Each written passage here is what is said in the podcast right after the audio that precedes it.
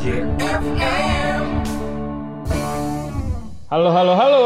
Selamat berjumpa kembali bersama kami PAJFM di BKSN pertemuan ke empat. Yeay, bersama gua Suaranya Rangga dong. Heeh. dan Bersama saya juga Kia. Saya juga Kia. Gimana sih? Hari ini kita sudah memasuki ke pertemuan empat nih Karangga nih. Betul banget di mana Ya, tidak- ini Hmm. bulan di penghujung bulan ya, berarti BKSN terakhir ya. Ya ini aroma-aroma gajian tuh semakin terasa. Iya iya. Jadi nggak terasa kita sudah masuki ke pertemuan keempat dari pertemuan satu kita sudah membahas tentang apa sih Karangga? Pertemuan pertama kita membahas tentang Aduh, Anda lempar-lempar aja ya. Ini memang ada dikit-sedikit saya bumbu. agak kesal dengan Anda. Tapi nggak apa-apa karena saya pintar, saya menghafal. Oke. Pertemuan pertama ini kita waktu itu membahas tentang Bapak kami yang Maha Adil. Oh itu sama siapa tuh waktu itu tuh kita tuh? Yang pertama itu sama Frater Salto. Ya, Frater Bicycle Kick ya. Betul banget. Kemudian waktu pertemuan kedua atau minggu kedua Sebentar, itu sebentar. kita Saya belum nanya pertemuan kedua loh. Oh, baik Oh, baik iya. baik. Pertemuan kedua tuh dengan dengan siapa dan apa sih temanya? Saya tuh kalau ngomong sama Anda mending saya selesaikan dulu Oke. daripada Anda lempar lempar lempar lempar. Daripada nanti saya bingung lagi gitu ya. Iya ya, lanjut bacain dulu. Nah, pertemuan kedua itu atau minggu kedua itu kita bersama Frater Daniel Oke, Frater Itu- Daniel. ngebahas tentang Allah yang hadir sebagai korban ketidakadilan. Wah, itu apa Nah, pertemuan ketiga dan keempat apakah Kia? Pertemuan ketiga kemarin dengan Romo Romo Vano. Romo. Benar. Ngebahas tentang apa? Berbela rasa. Betul. Nah, dan pertemuan yang terakhir ini, eh pertemuan terakhir ya, bener ya? Betul. Kan karena ini bulan terakhir. Bulan terakhir, udah Maksudnya bulan di ujung bulan. Oh di ujung bulan. Jadi pertemuan keempat ini di BKSN Hmm. ini kita akan membahas topik yang relate juga sama pertemuan sebelum-sebelumnya yaitu Betul. menjadi saudara dalam penderitaan. Yoi. Dan kita ini membawa narasumber yang sangat amat kredibel, tidak Wah, eh, tidak biasa. tidak kalah sama yang sebelum-sebelumnya, yaitu Bahunya Romo- begitu tegap malam ini ya. Iya betul sekali. Wow, gitu. Dari tampilannya juga amat sangat Meyakinkan. istimewa hari ini. Betul. Setiap minggu Anda bilang begitu ya. Yaitu ada Romo Yogo. Halo Romo Iya. Yogo. Halo, selamat malam. Salam kenal, salam jumpa para pendengar PAJ FM. Udah kayak Wih. ini ya. Dan eh, teman-teman yang menyaksikan lewat YouTube di subscribe. Apalagi Harus dong. Gimana Like, Rangga kata komen, subscribe. Nah, Rangga apal banget tuh. Iyalah. kata ini Hidup ya, saya itu. YouTube. Nah, sebelum kita melangkah lebih lebih lanjut, lebih jauh dalam acara pertemuan keempat ini, kita ada baiknya membuka dengan Berdoa. doa yang akan dipimpin langsung oleh Bapak Rangga. Baik Bapak Kia, Ya, saya akan mimpin dengan agama Katolik. Ya pasti lah. Mari teman-teman kita bersatu dalam doa. Dalam nama Bapa, Putra, Roh Kudus. Amin. amin. Ya Allah Bapa yang Maha Pengasih, kami bersyukur atas pertemuan kali ini, di mana kami diberi kesempatan untuk merenungkan sabdamu sebagai penuntun hidup kami. Bantulah kami dengan bimbingan rohmu untuk memahami sabdamu itu, sehingga kami semakin tahu dan yakin apa yang harus kami lakukan dalam hidup kami. Penuhilah kami dengan berkatmu, sehingga kami ikut tergerak untuk hidup lebih murah hati kepada semua orang. Demi Yesus Kristus Putramu, Tuhan dan pengantara kami, yang bersama di kau dalam perse- dalam persatuan roh kudus, hidup dan berkuasa, Allah sepanjang segala masa. Amin. Dalam Bapa, Putra, dan Roh Kudus. Amin. Terima kasih Bapak Rangga. Mas, kasih kembali. Nah, ha- hari ini eh, temanya sungguh sangat wow juga ya karena menjadi saudara dalam penderitaan. Kalau kita sudah melihat dan mengikuti pertemuan sebelum-sebelumnya, eh, ini pertemuan terakhir, tema topik terakhir ini bisa dibilang implementasi yang nyata lah. Ya kan kalau misalkan di pertemuan ketiga itu eh, gimana caranya kita membangun rasa berbela rasa kita kepada orang-orang. Nah, orang-orang yang seperti apa yang dimaksudkan Tuhan Yesus itu? Nah, pada kesempatan kali ini, pertemuan keempat kali ini kita akan eh, mendengarkan bacaan yang luar biasa juga dan eh, renungan serta penjelasan yang baik banget pasti bakal kita dapat dari Romo Yogo terkait menjadi saudara dalam penderitaan. Penderitaan. Itu dia. Oleh karena itu kita langsung masuk ke bacaannya dulu ya. Oke, bacaannya diambil dari Injil Lukas bab 16 ayat 19 sampai 30. Kita siapkan hati untuk mendengarkan Injil Tuhan ya. Semoga Tuhan beserta kita sekarang dan selama-lamanya. selama-lamanya. Inilah Injil Yesus Kristus menurut Santo Lukas. Dimuliakanlah Muliakanlah Tuhan. Tuhan. Ada seorang kaya yang selalu berpakaian jubah ungu dan kain halus, dan setiap hari ia ber- bersukaria dalam kemewahan. Dan ada seorang pengemis bernama Lazarus, badannya penuh dengan borok, berbaring dekat pintu rumah orang kaya itu. Dan ia ingin menghilangkan laparnya dengan apa yang jatuh dari meja orang kaya itu. Malahan anjing-anjing datang dan menjilati boroknya. Kemudian matilah orang miskin itu, lalu dibawa oleh malaikat-malaikat ke pangkuan Abraham. Orang kaya itu juga mati, lalu dikubur. Dan sementara ia menderita sengsara, di alam maut ia memandang ke atas, dari jauh dilihatnya Abraham dan Lazarus duduk di pangkuannya. Lalu ia berseru katanya, Bapak Abraham, kasihanilah aku. Suruhlah Lazarus supaya ia mencelupkan ujung jarinya ke air dan menyejukkan lidahku, sebab aku sangat kesakitan dalam nyala api ini. Tetapi Abraham berkata, Anak, ingatlah bahwa engkau telah menerima segala yang baik sewaktu hidupmu, sedangkan Lazarus segala yang buruk.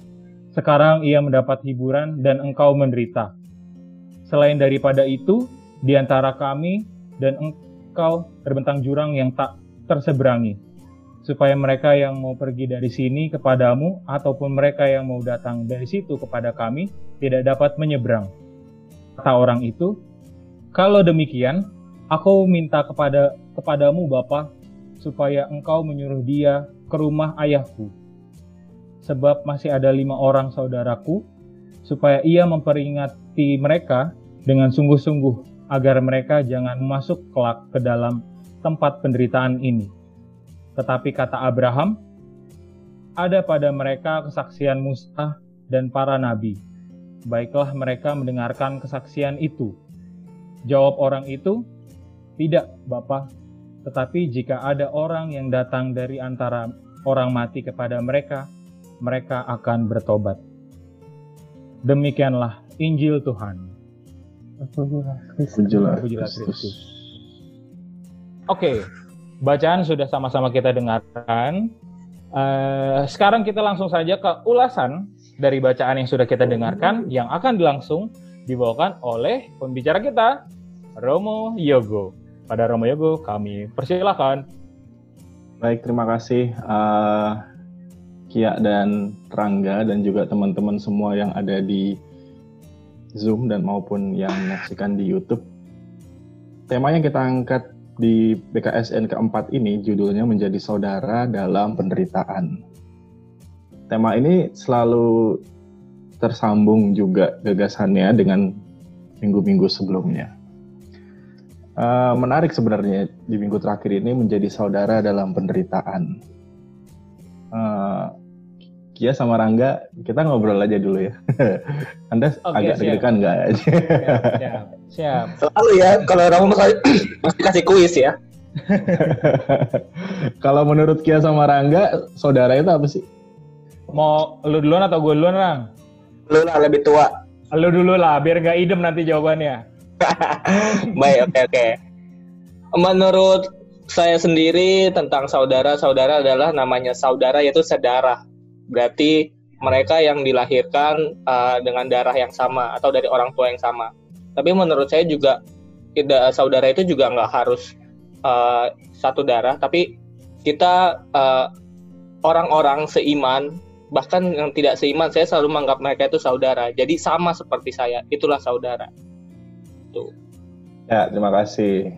Oke. Mas Rangga, Kak Kia. Kalau saya sendiri nambahin aja, saudara itu benar tadi kata Rangga ada artinya kita punya hubungan darah, tapi uh, maknanya kalau saya ambil ya saudara itu adalah ketika kita memiliki hubungan atau ikatan sama siapa pun itu. Ikatan itu kayak gimana? Ya ketika kayak uh, kita jalan ketemu orang bisa nyapa, ya itu kan kayak saudara ya, bisa saling nyapa. Artinya kita kenal gitu loh. Jadi nggak nggak ada yang nggak kenal atau nggak nggak ada merasa eh lu siapa kayak gitu. Kayak gitu-gitu mau. Ya, berarti intinya ketika kita menyebut saudara, berarti kita kenal sama orang tersebut ya. Iya. Minimal kenal secara personal. Ya. Uh, melewati juga batas-batas hubungan darah bisa demikian. Maka kalau ada sambutan, ada apa namanya saudara, saudari gitu, meskipun tidak sedara, padahal dalam hati siapa lu gitu kan? nggak nggak bercanda bercanda. Uh, menarik judulnya menjadi saudara dalam penderitaan. Mungkin kalau menjadi saudara dalam kebahagiaan, dalam kesenangan, eh, menyenangkan gitu ya, fun gitu ya. Tapi ketika menjadi saudara dalam penderitaan, apa iya masih tetap mau gitu kan? Apa iya masih tetap mau bersama uh, menjadi hati gitu? Maka ini tema ini sebenarnya menantang kita untuk melangkah lebih jauh. Uh, kalau kita perhatikan baik-baik, pertemuan-pertemuan itu kan satu, pertemuan kedua, pertemuan ketiga, pertemuan keempat. Pertemuan keempat itu bisa dikatakan sebagai apa ya RTL rencana tindak lanjut. Bukan rencana tidak lanjut ya. Rencana tindak lanjut jadi ini kita mau ngapain nih next nih? Things to do-nya apa nih? Kalau di pertemuan pertama tuh gagasan konsep oh Allah yang kita imani seperti itu. Tapi di keempat ini oke okay, kita mau ngapain berikutnya? Uh, saya mau berangkat pertama-tama dari kitab sucinya terlebih dahulu. Saya mengambil inspirasi permenungan dari ulasan kitab suci kalau di internet atau di apa namanya di email di itu banyak memakai ulasannya Romo Gianto salah satu yang menarik. Saya mengambil dari uh, Romo Gianto terkait dengan ulasan ini. Pertama kita mesti lihat dulu konteks kitab suci atau Injil yang kita dengar hari ini Tadi kan kisah Lazarus dan uh, orang kaya. Kita perlu pahami dulu konteks uh, teks itu ada di mana. Konteksnya pada waktu itu adalah kehidupan gereja awal. Jadi tahun-tahun awal, uh, tahun-tahun awal gereja perdana setelah Yesus bangkit, lalu para murid membangun kehidupan gereja setelah Yesus uh, diangkat ke surga pada waktu itu orang mulai percaya kepada Yesus. Jadi yang beriman sama Yesus ini jumlahnya semakin banyak nih orang-orangnya. Nah, dan konteks kehidupan gereja awal pada masa itu, para pengikut Yesus kebanyakan berasal dari kalangan menengah. Menengah, menengah bisa dikatakan pengusaha, pedagang, sarjana, tabib, guru, seniman gitu. Dan perkembangan berikutnya kemudian yang mengikuti Yesus uh, meluas menjadi kelapisan yang lebih luas dalam masyarakat dan ada kebutuhan bahwa juga mengikuti Kristus itu bukan hanya dikenal oleh lapisan atas aja, tapi juga harus dikenal oleh seluruh lapisan masyarakat. Oke, itu salah satu konteks yang di ada di di masa itu. Dan berikutnya di kalangan itu juga tumbuh kesadaran. Jadi para pengikut Kristus pada zaman itu tumbuh kesadaran bahwa kita nggak cuman mau selamat nanti setelah kita kembali kepada Bapa gitu. Kita nggak mau cuma selamat di akhirat, tapi ada kebutuhan juga dorongan untuk memperhatikan orang-orang yang tidak beruntung. Kalau tadi kan diawali dengan kelas menengah, lalu ada semacam kebutuhan bahwa kita nggak cuma memperhatikan keselamatan kita secara iman, tapi juga harus memperhatikan mereka yang kurang beruntung, lalu ke apa namanya keikutsertaan keanggotaan gereja itu kemudian meluas bahkan mungkin turun ke bawah ke masyarakat lapisan bawah. Itu konteksnya. Maka perumpamaan ini, ini perumpamaan, perumpamaan orang kaya dan Lazarus ditampilkan dengan latar belakang demikian.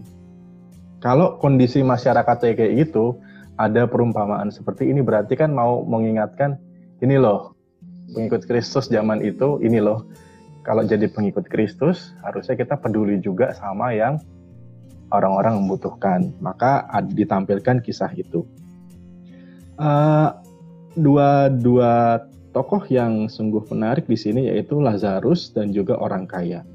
Orang kaya ditampilkan selama hidupnya berkelebihan, sementara Lazarus itu uh, hidupnya berkekurangan. Dan dengan demikian, yang kaya ditantang juga untuk terbuka pada yang miskin, yaitu Lazarus. Tapi yang menarik adalah terjadinya percakapan di sini. Uh, percakapan antara orang kaya dan juga Lazarus dan juga Bapak Abraham. Ternyata orang kaya itu ketika dia sudah meninggal dikisahkan dalam perumpamaan tersebut uh, seolah-olah dia ini care gitu dengan orang-orang atau saudara-saudaranya yang masih ada di dunia. Tapi dia ternyata tidak tulus. Dia masih menunjukkan sisi bahwa dalam tanda kutip mau memperbudak Lazarus dengan menyuruh si uh, Lazarus tolong dong bilangin supaya apa namanya mereka yang saudara-saudara saya yang masih ada di dunia ini sadar gitu bahwa apa yang selama ini saya lakukan di dunia itu nggak nggak apa namanya nggak benar gitu bahwa saya juga harus memperhatikan uh, orang yang miskin, orang yang membutuhkan. Bahkan dengan amat uh, apa namanya cukup ekstrim bahwa orang miskin itu sampai makan uh, dari remah-remah si orang kaya. Badannya penuh borok, berbaring dekat pintu rumah orang kaya. Dia ingin menghilangkan laparnya dengan apa yang jatuh dari meja orang kaya. Kan kasihan banget gitu ya. Kita aja kalau mengalami kayak gitu pasti harusnya iba gitu. Nah, saya suka iba kalau sama anak-anak kos-kosan. Iba aja sih. Kadang-kadang suka, ya saya memahami, apalagi mereka yang kos-kosan, mungkin makan Indomie aja atau apa. Kita aja hidup zaman sekarang iba. Zaman itu ada kondisi, ini diekstrimkan ya kondisinya. Dikatakan di situ malahan anjing-anjing datang dan menjilati boroknya. Di situ ada gagasan pada masa itu anjing adalah bintang yang najis.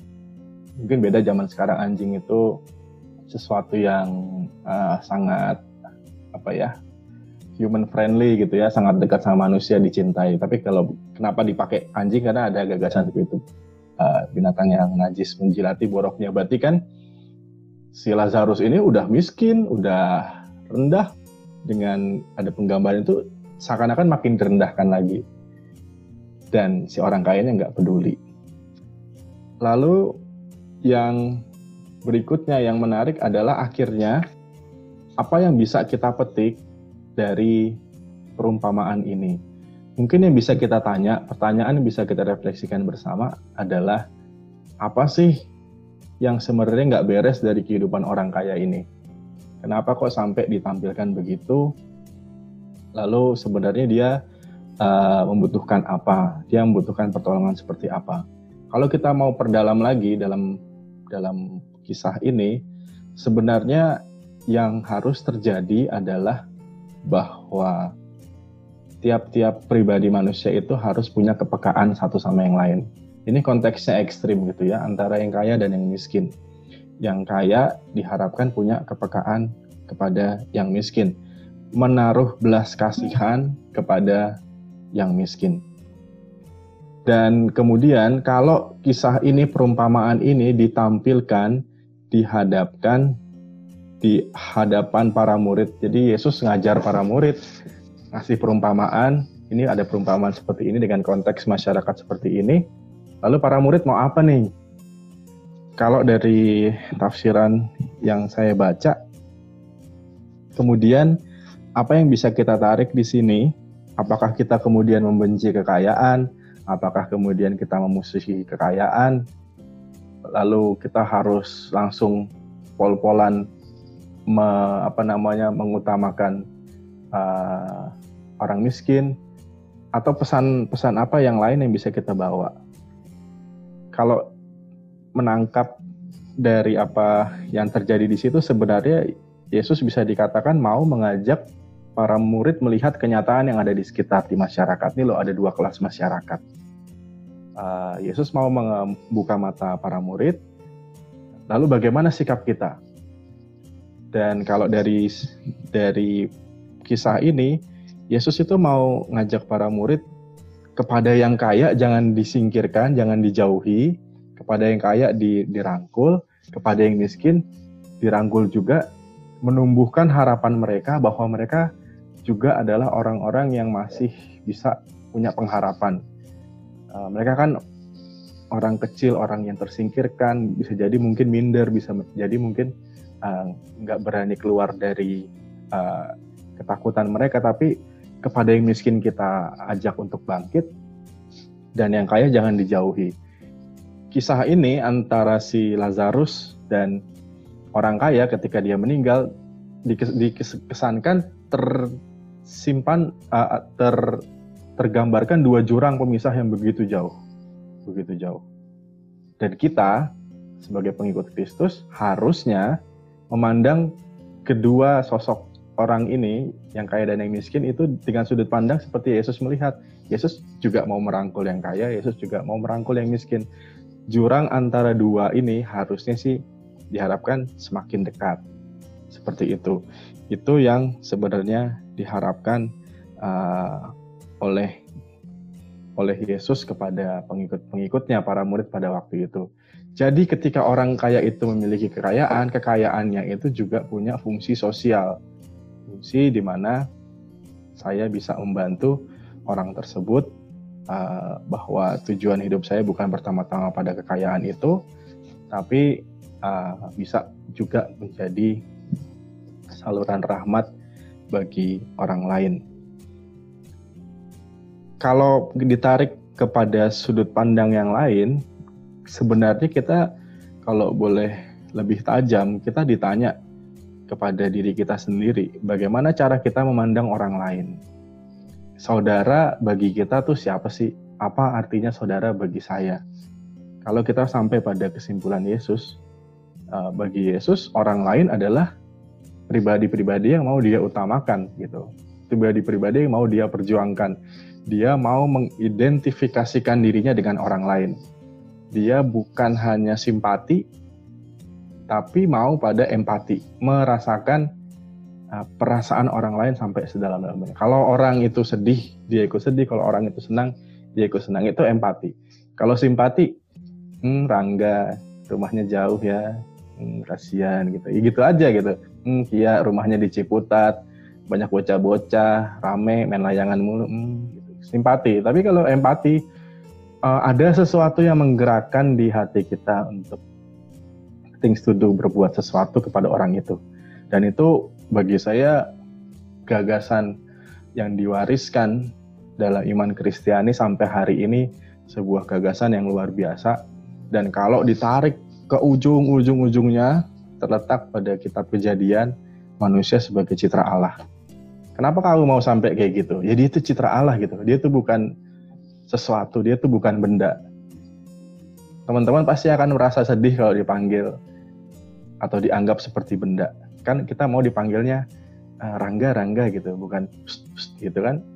Emang gua ini kucing apa kambing gitu kan enggak. Tapi kan kita manusia, manusia yang harus dihargai manusia yang di mata Allah aja itu uh, adalah diciptakan baik adanya. Masa yang diciptakan baik adanya ini kita sebagai sesama manusia nggak mau memandang dia sebagai sesuatu yang baik adanya. Dalam kenyataannya memang akhirnya uh, gagasan ini banyak mengalami sungguh-sungguh tantangan ya. Tragedi-tragedi kemanusiaan itu sungguh-sungguh merendahkan manusia sampai serendah-rendahnya. Pembunuhan, uh, apa namanya uh, peperangan pelecehan, perdagangan anak itu kan semuanya merendahkan martabat manusia.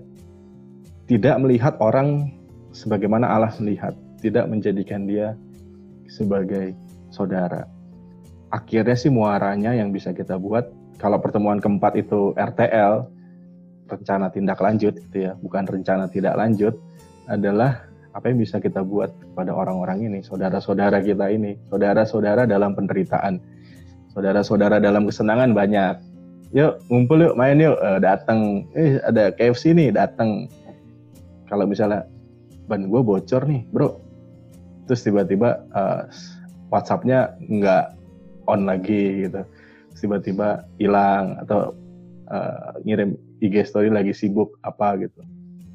Nah hal-hal konkret bisa kita bisa bertanya kepada diri kita masing-masing apa yang bisa kita buat supaya kita bisa jadi saudara juga bukan hanya dalam senang tapi juga dalam penderitaan. Tapi memang tidak mudah, tapi memang tidak mudah. Uh, saya punya pengalaman konkret dulu saya pernah ditugaskan di di Sumatera Utara di sebuah paroki di Kabanjahe. Uh, saya pertama kali datang ke sana waktu itu saya masih frater tahun orientasi pastoral. Saya datang ke sana dua minggu pertama tiap hari saya migrain Kenapa? Karena saya ditaruh di sebuah paroki yang bahasanya mereka pakai bahasa Indonesia tapi sehari-hari ngomong pakai bahasa asli, pakai bahasa Karo. Saya pusing, saya memahami apa nih artinya. Wah, pokoknya uh, shock culture bisa dikatakan demikian. Uh, ya saya belajar bertahan di sana hmm, dari minggu ke minggu. Tidak mudah berhadapan dengan shock culture, kebudayaan yang baru. Uh, tempat yang baru, tempatnya dingin, banyak stasinya, ke mana-mana naik motor. Saya pernah jatuh juga naik motor di sana.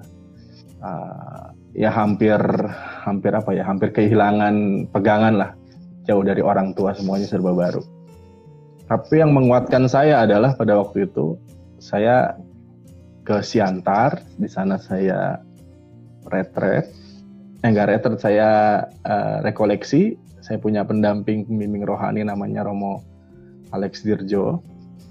Uh, dia kita, saya cerita sama dia, uh, Romo saya gini-gini saya nggak betah nih saya mau balik ke Jakarta. Saya kan pastor jadi pastor nanti di Kuskupan Damung Jakarta ngapain saya ke tempat yang jauh seperti ini. Kalau keadaan manusia sedang dalam eksistensial tuh kadang-kadang pertanyaan-pertanyaan mendasar tuh muncul. Buat apa gue gini, buat apa ini, gue siapa dan lain sebagainya gitu. Tapi yang menguatkan saya adalah ketika Romo Alex itu saya cerita gitu. Dia bilang kalau kamu mau betah di tempat perutusan kamu kamu harus mau nggak mau kamu harus terlibat. Terlibat terjun langsung uh, bersama dengan orang-orang yang ada di situ. Maka kamu akan menikmati ritmenya dan kamu akan sungguh-sungguh betah di sana. Saya camkan kata-kata itu dan kemudian saya lakukan tuh saya dulu punya uh, pendampingan Miss Dinar di sana setiap minggu nggak ada kegiatan, lalu saya buat minggu pertama, minggu kedua, minggu ketiga, minggu keempat. Ada pendalaman iman, ada latihan. Minggu kedua saya bikin kegiatan uh, kerja bakti di gereja. Mumpung kan, karyawan libur suruh kerja bakti aja. Uh, minggu keempat kita jalan-jalan karena Kaban Jahe dekat Brastagi, biasanya kita ke Brastagi. Kita cari dana juga waktu itu buat retret. Baru pertama kali setelah sekian tahun lama nggak ada retret misioner itu saya bikin retret di sana kita cari dana. Dan yang menarik kita cari dana jalan kaki. Jadi pada waktu itu setiap gang di Kabanjahe itu saya apal jalanannya. Saya datang ke rumahnya Kapolsek ke kantor bupati semuanya saya datangin. Itu berbulan-bulan berikutnya. Dan kemudian saya ingat perkataan Romo pembimbing rohani saya oh iya kalau saya mau terlibat ya kalau mau saya saya mau betah maka saya harus terlibat. Meskipun itu susah gitu ya. Meskipun itu susah. Saya belajar bahasa di sana saya diketawain sama anak kecil. Ih frater ngomong apa frater gitu kan. Saya datang ke stasi salaman sama ibu-ibu sama bapak-bapak. Ih frater kok tangannya halus banget. Malu saya dibilang gitu. Karena mereka biasa bertani biasa nanam apa jeruk punya ladang gitu tangan saya halus banget dibilang gitu ya nggak apa jadi tapi memang gitu ah, apa ya harus dijalani dan ketika kita sungguh-sungguh terlibat, ketika kita merasakan susah, uh, baru saya sadar, oh iya, saya menikmati dan saya betah di sana. Sehingga ketika di akhir tahun mau balik ke Jakarta itu berat, itu berat banget.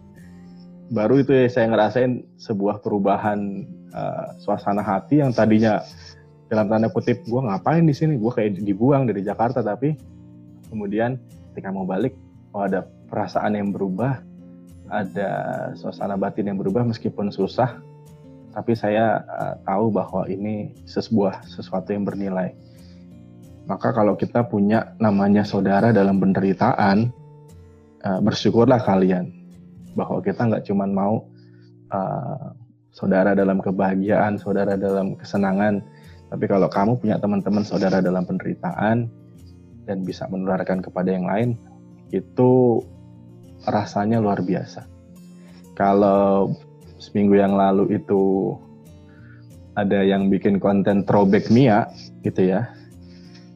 Mia itu ya gitu ya, udah standar pakem kegiatannya kayak gitu. Tapi di balik Mia itu sebenarnya ada perjuangan. Dan perjuangan itulah yang kita rindukan sebenarnya kan. Cari dana, uh, ngamen sana ngamen sini, kehujanan, duit kurang, atau bagaimana. Nah itu saudara dalam penderitaan akhirnya menyatukan hati dan menyadarkan kita, oh iya, uh, betapa kita hadir di dunia ini bukan hanya untuk diri kita sendiri. Kalau kita cuma untuk diri kita sendiri, uh, silahkan beli pulau di mana, tinggallah di sana sendiri. Saya jamin nggak lama nanti juga balik lagi ke peradaban. Gitu. Kecuali teman-teman memang uh, sudah apa ya garis pemikirannya berbeda dengan manusia normal gitu ya.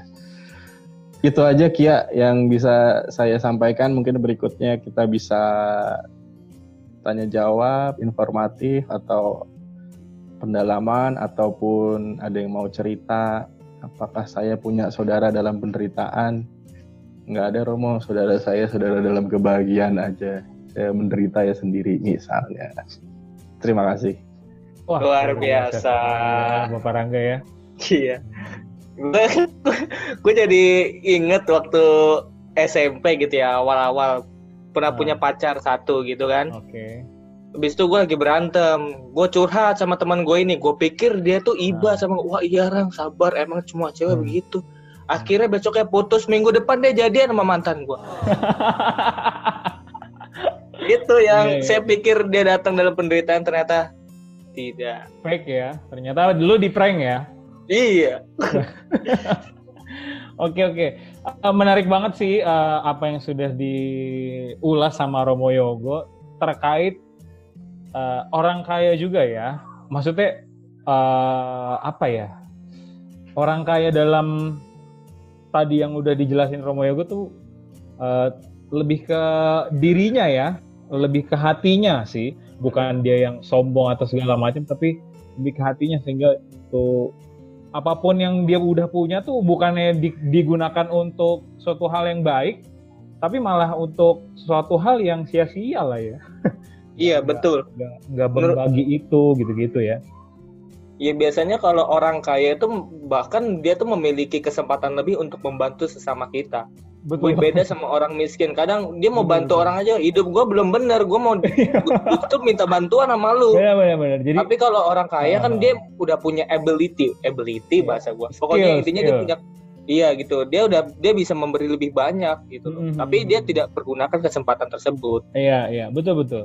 Berarti memang ini uh, gimana caranya kita bisa diajak untuk melihat kalau kekayaan itu bukan suatu hal yang negatif ya seperti yang digambarkan tapi uh, apa menjadi kesempatan untuk berbuat kebaikan gitu. Iya. Ya men menjadi saudara dalam penderitaan itu tadi sih. Uh, oke okay, kita langsung masuk ke sesi tanya jawab aja kali ya Mo ya. Karena mungkin sudah ada beberapa pertanyaan sudah ada beberapa uh, hal yang ingin disampaikan juga sama teman-teman atau mungkin Bapak Rangga ada yang mau ditanyakan dulu saya kasih kesempatan teman-teman dulu. Okay. Tadi kan saya udah beri cerita. Okay. Atau kaki ya mungkin? Uh, oh iya, teman-teman yang mau bertanya ingat kasih reaction ya. Ya. Uh, kalau gitu caranya gitu, Pak Gini, Apa? pencet reaction kayak gini ya. Iya, ketik Gitu. reaction spasi bukan ya? Bukan dong. Bukan ya. Oke. Awakan 2003. Oke, eh, mungkin eh, saya mau nanya dulu nih, Mo. Tadi kan konteks eh, konteks eh, apa? Jadi mus eh, jadi saudara, kok jadi musuh? Jadi saudara dalam penderitaan. Nah, kalau misalkan eh, kita lihatnya dalam konteks mahasiswa, pelajar, ya kan? Terkadang ada hal-hal yang ngebuat kita eh, apa ya? Ditawarkan untuk mau nggak jadi sahabat atau saudara eh, siapa yang membutuhkan itu, membutuhkan jawaban atau membutuhkan apa tipsen atau membutuhkan apa pun itu. Yang kita tahu ketika kita memberikan itu malah bukan membuat teman kita ini menjadi berkembang atau menjadi apa ya tertolong dalam tanda kutip tapi membuat itu jadi semakin apa ya semakin membuat teman kita tuh menjadi tenggelam gitu loh. Nah kalau kayak gitu gimana mau? Apakah kita sudah bisa menjadi saudara dalam penderitaan? Eh, gini, simpelnya pertama-tama buat saya menjadi saudara untuk kita dalam konteks mahasiswa, kita nggak punya musuh dulu deh. Itu simpel banget tuh. Ataupun eh, kita selalu mau yang baik buat orang. Perkara kemudian apa yang kita buat sebagai kebaikan itu tidak ditanggapi kebaikan itu perkara urusan dia lah gitu. tapi bahwa kita merasa bahwa kita nggak punya musuh Uh, lalu berikutnya kalau dilarikan konteksnya pada apa ya uh, partner in crime gitu ya sebenarnya ini jawaban teman-teman udah tahu lah kayak gitu maksudnya secara langsung suara hati kita bunyi pasti dong tipsen ini kalau kita bikin polling nih di sini dari 24 orang, apakah tipsen itu baik atau tidak? Jawablah sesuai suara hati kalian. Nah, teman-teman udah tahu lah itu jawabannya apa. Kenapa nggak baik? Udah tahu sebenarnya. Dari kecil sampai sekarang belajar kewarganegaraan, PPKN, agama. Buat apa sia-sia buku dibeli banyak-banyak kalau itu nggak masuk ke hati gitu kan. Jadi sebenarnya teman-teman udah tahu. Kadang-kadang makin pinter kita, kita suka ngakal-ngakalin. Ah, nggak apa-apa, nggak apa-apa. Gitu. Eh, kalau bagi saya ada aturan yang jelas. Pakailah jatah 25% itu. Eh, itu udah minimal banget lah. Kasih jawaban ke orang. Mungkin kita lihat, oh iya daripada dia nggak lulus, tapi apakah memang itu sungguh-sungguh begitu? apakah kemudian kita tidak membiarkan dia menjadi pribadi yang jauh lebih baik? Kan kita mau orang berkembang ya. Kayak kemarin uh, sempat ada diskusi juga. Sebenarnya kita kuliah tuh apa sih? Uh, mau nyari apa kan kuliah? Kalau cari nilai, ya mungkin sebagai sebuah standar pertama-tama kita cari nilai, gitu ya. Harus lulus, IP harus beres semuanya di atas berapa ya? Di atas dua ya sekarang ya? Uh, di atas tiga oh di atas tiga. Kemudian uh, semuanya beres lulus tepat waktu. Secara standar memang harus ada. Tapi apakah memang cuman sampai situ doang gitu kan? Kalau kalian hanya semata-mata cari nilai rugi kita itu belajar bukan semata-mata demi kertas apa kertas uh, ijazah gitu. Tapi ada sesuatu di balik perjuangan kita, di balik apa yang kita buat itu, karena itu berguna buat saya. Kalau cuma cari nilai, masuklah kuliah agama saya gitu. Kalau saya sih bilang sama murid-murid saya ya, kalau nilai aman saya kasih gampang. Tapi ini akan jadi sia-sia nih nilai ini kalau cuma berlalu begitu aja. Dan kita sendiri yang bisa memaknai, oh ini kayaknya penting. Dan kadang-kadang pembelajaran hidup itu jauh lebih tajam dibanding dibanding yang di kelas. Misalnya sebuah panitia saya tugaskan, oh kamu cari dana sana untuk acara Mia. Nanti kalau suruh cerita pasti banyak tuh pembelajaran hidupnya. Kayak Mia tahun lalu yang bisnya telat, itu pembelajaran penting sekali. Saya sih ketawa-tawa aja, saya main gitar, nyanyi-nyanyi, nggak apa-apa. Saya Tapi saya lihat tuh panitia sibuk setengah mati, mukanya udah ketekuk gitu semua kan. Kalau saya sih santai-santai aja. Saya dalam hati saya sih pasti akan balik Jakarta. Memang saya repotnya nanti diteleponin orang tua. Ya nggak apa-apa nanti saya terima. Tapi bagi si orang-orang yang hadir di situ itu sebuah pembelajaran berharga. Betapa kita harus mempersiapkan, betapa kalau kita main, uh, bekerja di lapangan segala sesuatu itu bisa berubah 180 derajat dan kita harus siap. Itu ilmunya luar biasa. Kenapa saya suka naik gunung? Karena nggak pernah terduga di jalan kita mau dapat apa. Saya pernah mau ditimbuk pakai batu sama nenek-nenek, pernah hampir masuk jurang, macam-macam lah. Tapi itu menyenangkan gitu. Ketika pulang selalu ada cerita. Gitu. Jadi pesannya sering-sering jalan-jalan. Oh salah ya, nggak boleh ya. gitu ya. Dong.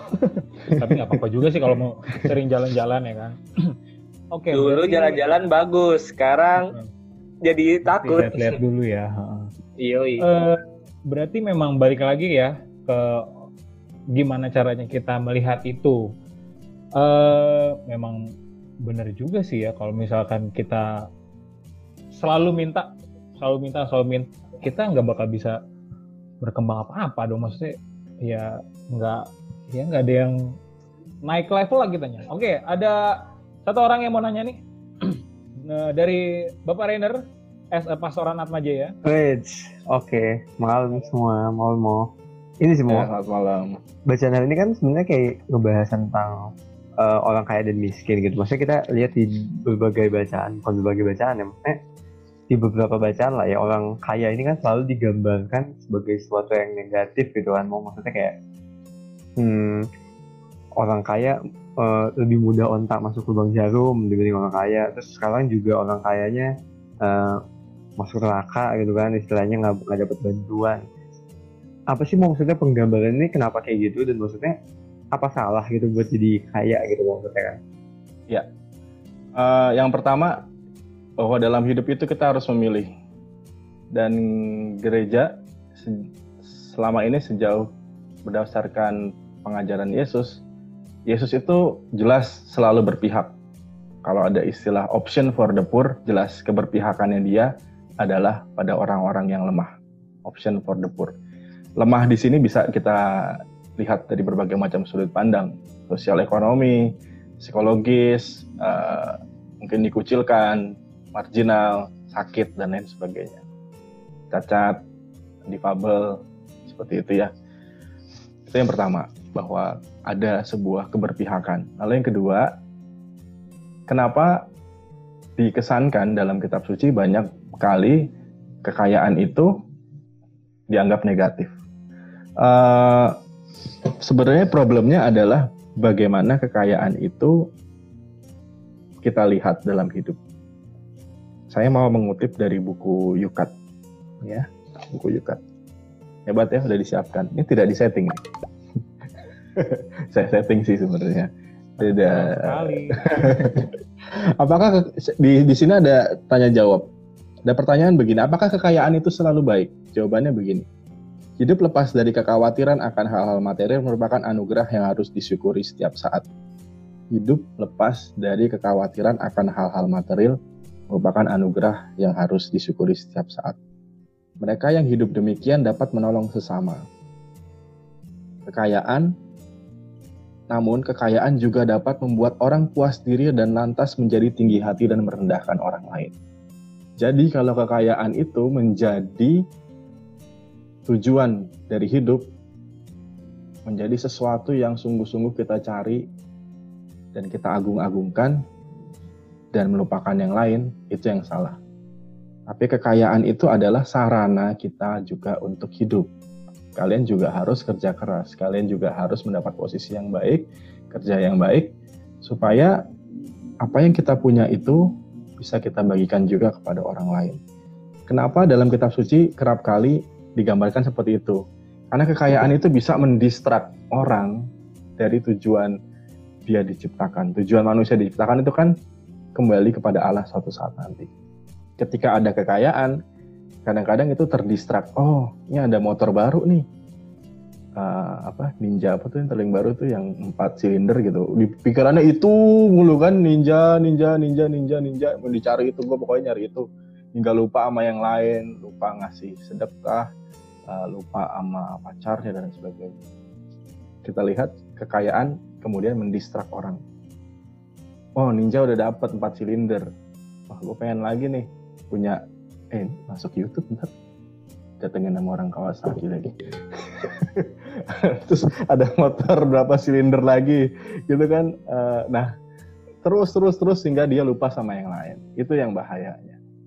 Ketika kekayaan itu kemudian mengaburkan orang yang tadinya dari sarana menjadi tujuan.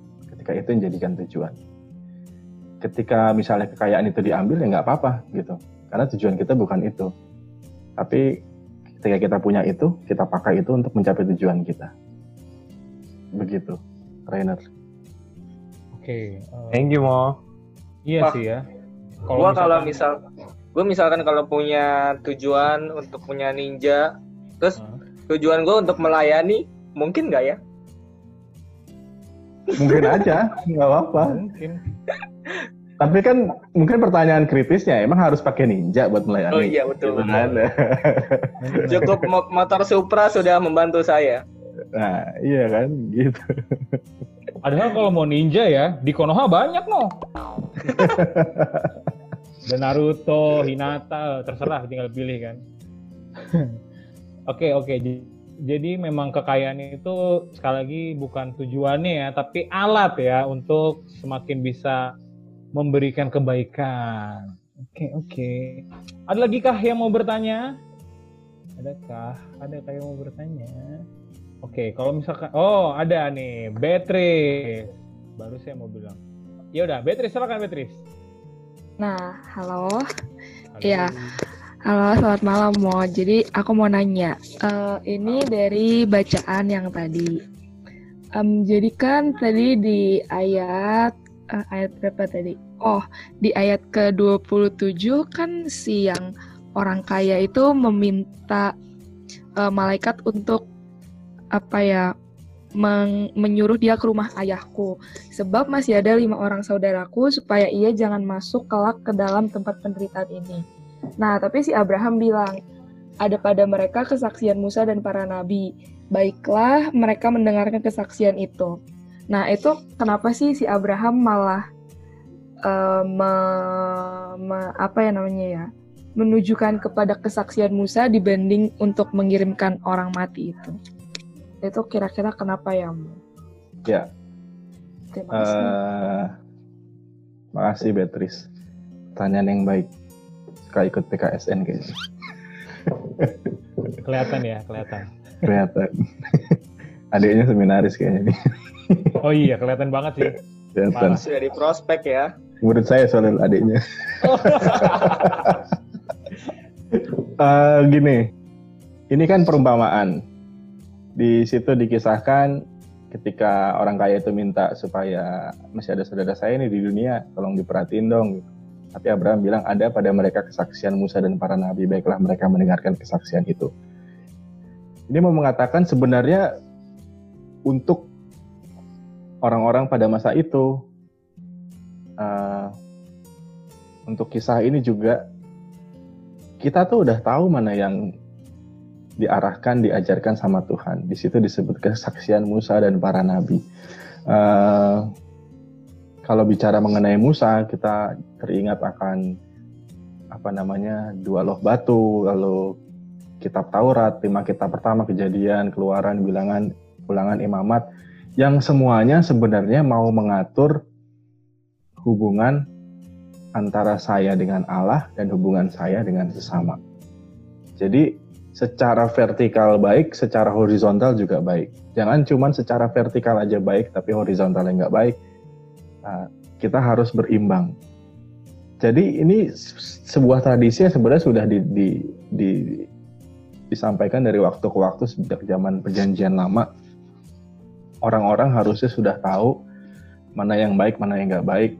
Kalau menurut kisah ini dibilangin kayak apa juga kalau emang hatinya nggak terbuka pada pada pesan itu ya nggak akan berubah gitu. Udah mereka tuh udah udah tahu yang mana yang seharusnya ini dilakukan. jawab orang itu, tidak Bapak, tetapi jika ada seseorang yang datang, jika ada seseorang yang datang dari antara orang mati kepada mereka, mereka akan bertobat. Dan yang menarik ini, gayanya si orang kaya ini ternyata nggak berubah gitu sebelum meninggal dan sesudah meninggal gaya-gaya nunjuk-nunjuk gitu uh, gaya-gaya keangkuhannya itu nggak berubah ternyata kepekaannya juga nggak tumbuh ini yang juga mau dikritisi ternyata si orang ini sesudah ini kan perumpamaan ya sesudah ternyata dia meninggal ya ternyata dia sama aja nggak ada perubahan bahkan dengan Lazarus dia sikapnya sama juga ketika di dunia nggak peduli ketika sudah meninggal nyuruh-nyuruh gitu. Jadi tidak ada perubahan batin sebenarnya dari dari seorang kaya itu. Uh, kurang lebih jawabannya begitu. Jadi sebenarnya orang-orang sudah pada tahu bahwa ada kesaksian Musa, para nabi. Para nabi kalau kita lihat dalam kitab suci ada banyak contohnya nabi-nabi yang uh, hadir di dalam ketidakadilan, bersuara lantang ketika muncul ketidakadilan uh, dan mengetuk hati orang-orang pada zaman itu gimana sih ini ini ada ketidak ketidakadilan nih gimana kamu bersikap jadi kalau boleh dikatakan dari sisi si orang kaya ini tidak ada sebuah uh, perubahan hati yang mendasar. Baik ketika dia di dunia maupun kemudian dikisahkan di perumpamaan ini ketika dia sudah meninggal. Itu Beatrice. Oke okay. uh, berarti uh, memang ini sikap dari orang kayanya sendiri ya yang nggak bertobat lah. Kalau ketika udah meninggal pun tetap aja bosi memerintah-merintah gitu kan. Siapa dia gitu? BM BM BM apa tuh? Banyak maunya. Oh iya. Banyak mau banyak mau oke. Ada lagi kah yang mau bertanya? Atau mau sharing juga boleh? Nah ada tuh. Siapakah itu? Agustina Alfrida. Oke, Agustina Alfrida. Silakan nyalakan kamera sama mic-nya. Betul. Halo Kak. Jadi saya mau bertanya, eh, bagaimana pandangan agama terhadap orang yang rajin berdoa dan patuh terhadap Tuhan, tapi dia menganggap menganggap doa yang dia lakukan itu sebagai jalan dia untuk masuk surga. Terima kasih. Oke. Terima kasih uh, Agustina ya. Nah, gimana Silakan Romo. Uh, berdoa untuk masuk surga uh, rasanya itu menjadi dambaan setiap orang orang beriman gitu ya bahwa kita mau membuat sebuah relasi yang baik dengan Tuhan namun yang menjadi persoalan begini, ini yang kerap kali saya coba antar juga kepada khususnya teman-teman yang kuliah di kelas saya. Hidup beragama dan hidup beriman. Kalau hidup beragama itu mungkin ukurnya lebih mudah. Apakah saya misa setiap minggu, apakah saya kalau bulan Rosario saya Rosario, apakah saya kalau ada BKSN saya ikut, lima perintah gereja saya jalankan atau enggak gitu. Kalau yang saudara-saudari kita keyakinan lain juga ada aturan-aturan apakah diikuti atau tidak. Tapi kan kita hidup itu lebih luas dari sekedar ritus, lebih luas dari sekedar aturan, yaitu beriman. Beriman itu keyakinan saya pada Tuhan bahwa Tuhan itu masih menjaga hidup saya sampai hari ini, besok dan seterusnya. Betul bahwa beragama itu membantu saya untuk beriman betul bahwa ada doa-doa tata cara dalam nama Bapa dan Putra dan Roh Kudus. Tapi kita berharap bahwa hidup beragama kita mendukung iman kita dan di batin itu jauh lebih dalam gitu.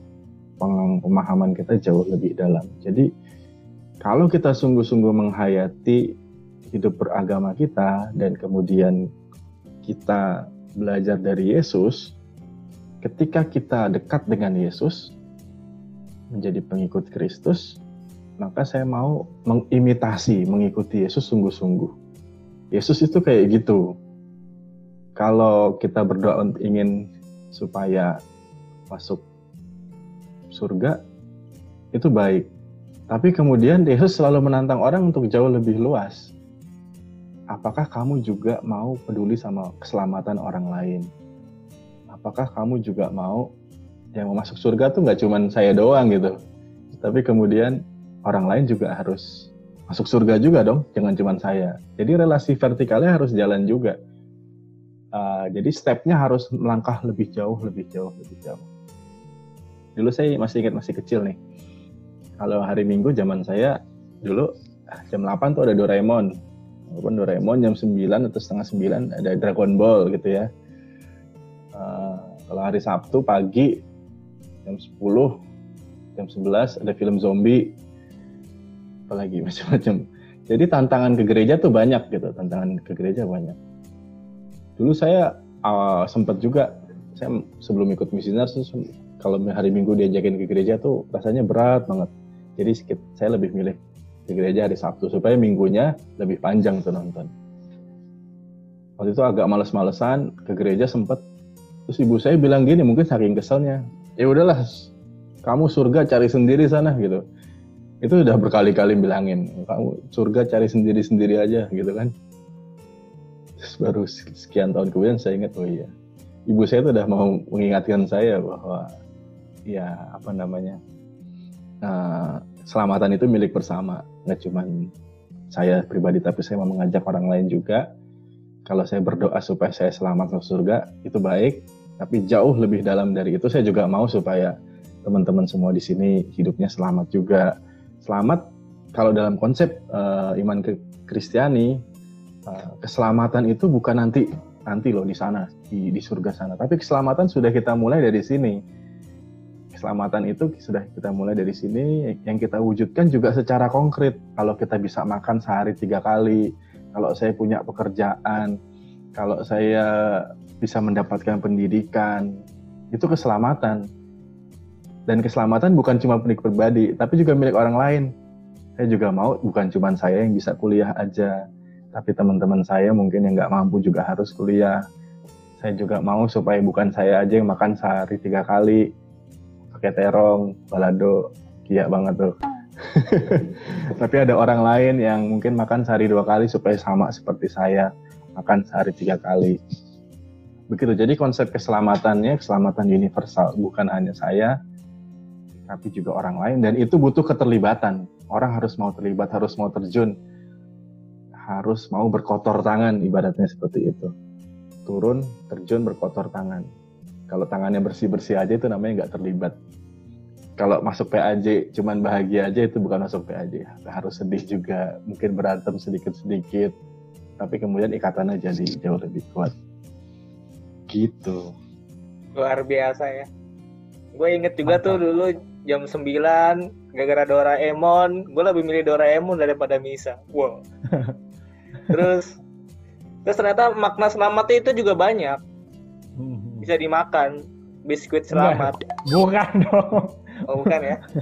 Bukan dong. Oke jadi begitu ya uh, Agustin ya untuk jawabannya. Memang benar sih bukan terkait ritus aja bukan terkait menjalankan agama aja tapi ada yang lebih dari itu dan mungkin salah uh, salah satu caranya ya ini tema kita hari ini menjadi saudara dalam penderitaan kan. Iya, Tadi sih udah sebenarnya ada jauh ada juga nih pertanyaan dari saya kan, cuman udah terjawab juga soal terkait uh, kenapa sih Tuhan Yesus itu sering make perumpamaan dengan embel-embel hubungan atau relasi, ada saudara, ada ayah sama anak, ada ibu sama anak gitu-gitu. Ternyata memang itu kita selamat bukan buat diri kita sendiri tapi buat orang-orang juga kan karena kita semua saudara mari semua ada lah bukan ya kita nah, ada lagi yang lagi kita keluarga sekarang. Oh, duh, duh, satu keluarga ya.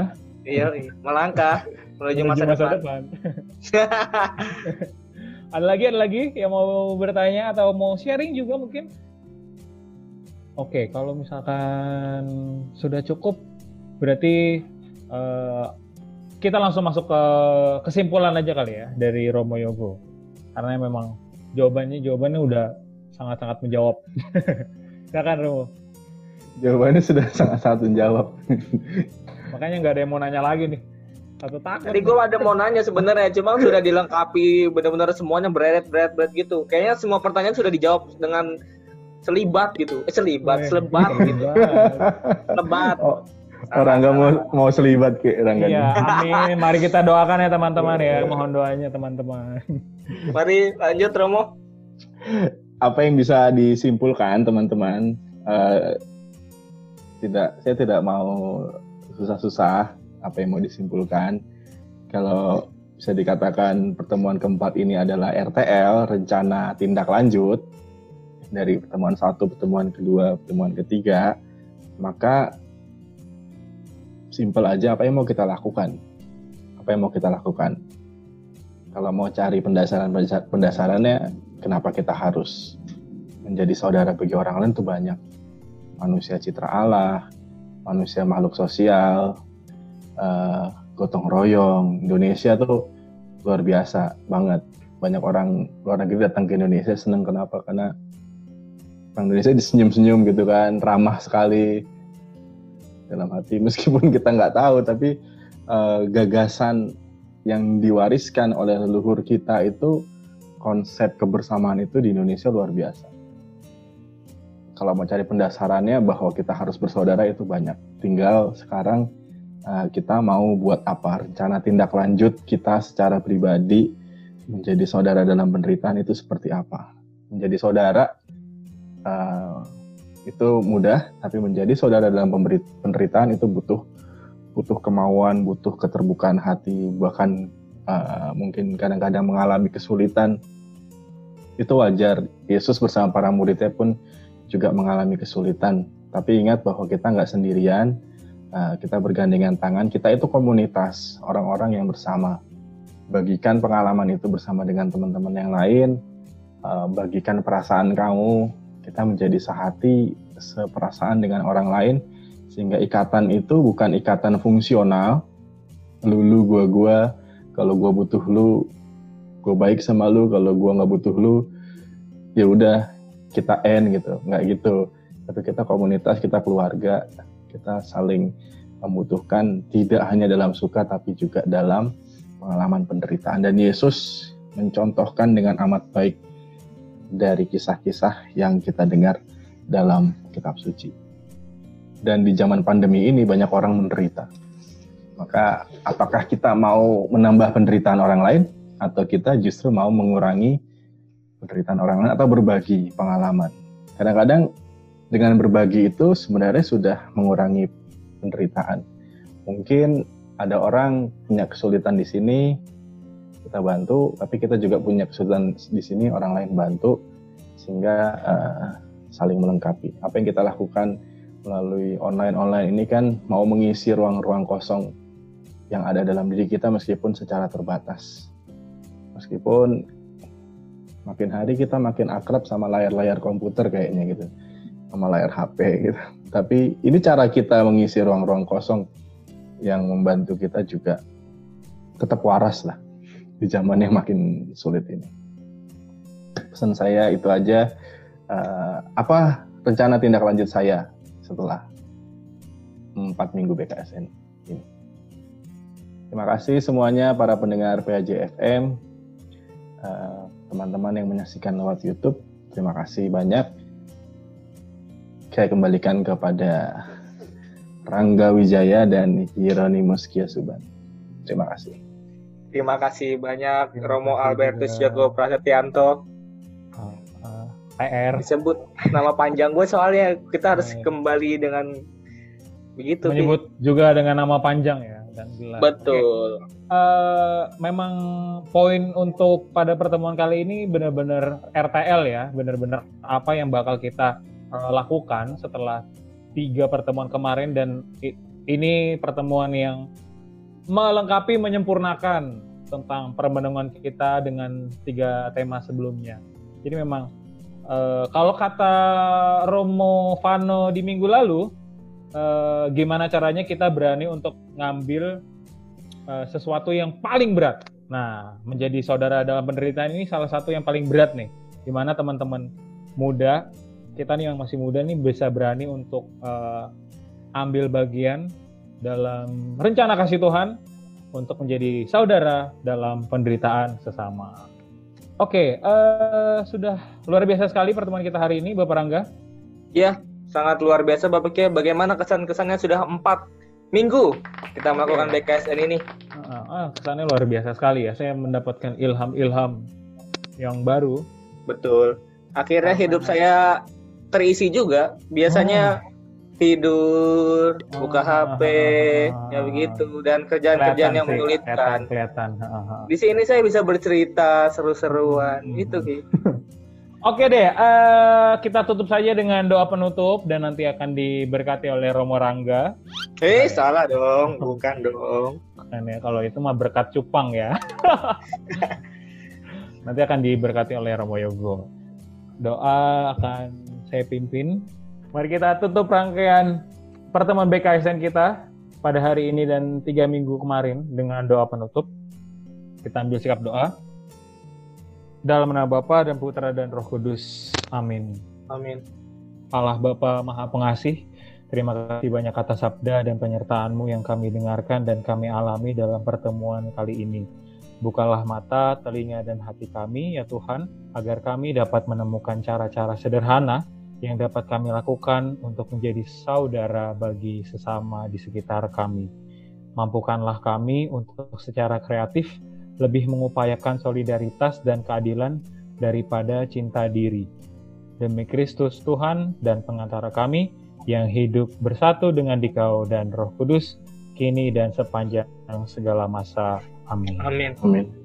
Tuhan sertamu Dan Dan dan sertamu sertamu juga. Semoga kita sekalian seluruh niat-niat baik kita setelah permenungan BKSN selama empat minggu ini selalu dilindungi dan diberkati oleh Allah yang Maha Kuasa, Bapa dan Putra dan Roh Kudus. Amin. Amin. Terima kasih. Terima kasih Romo. Terima kasih, Romo. Iya, itu ada saudara Teresa. Oke, eh, terima kasih sekali lagi untuk teman-teman peserta yang sudah eh, join di Zoom ini dan teman-teman pendengar yang mendengarkan eh, siaran BKSN ini melalui Spotify dan YouTube. Eh, saya Kia Saya Rangga. dan Romo Yogo juga mewakili teman-teman kru PAJ FM dan Betul. kru PAJ. Mengucapkan banyak-banyak terima kasih. Sampai jumpa di konten-konten PAJ FM selanjutnya ya teman-teman. Dadah. Ada, terima kasih.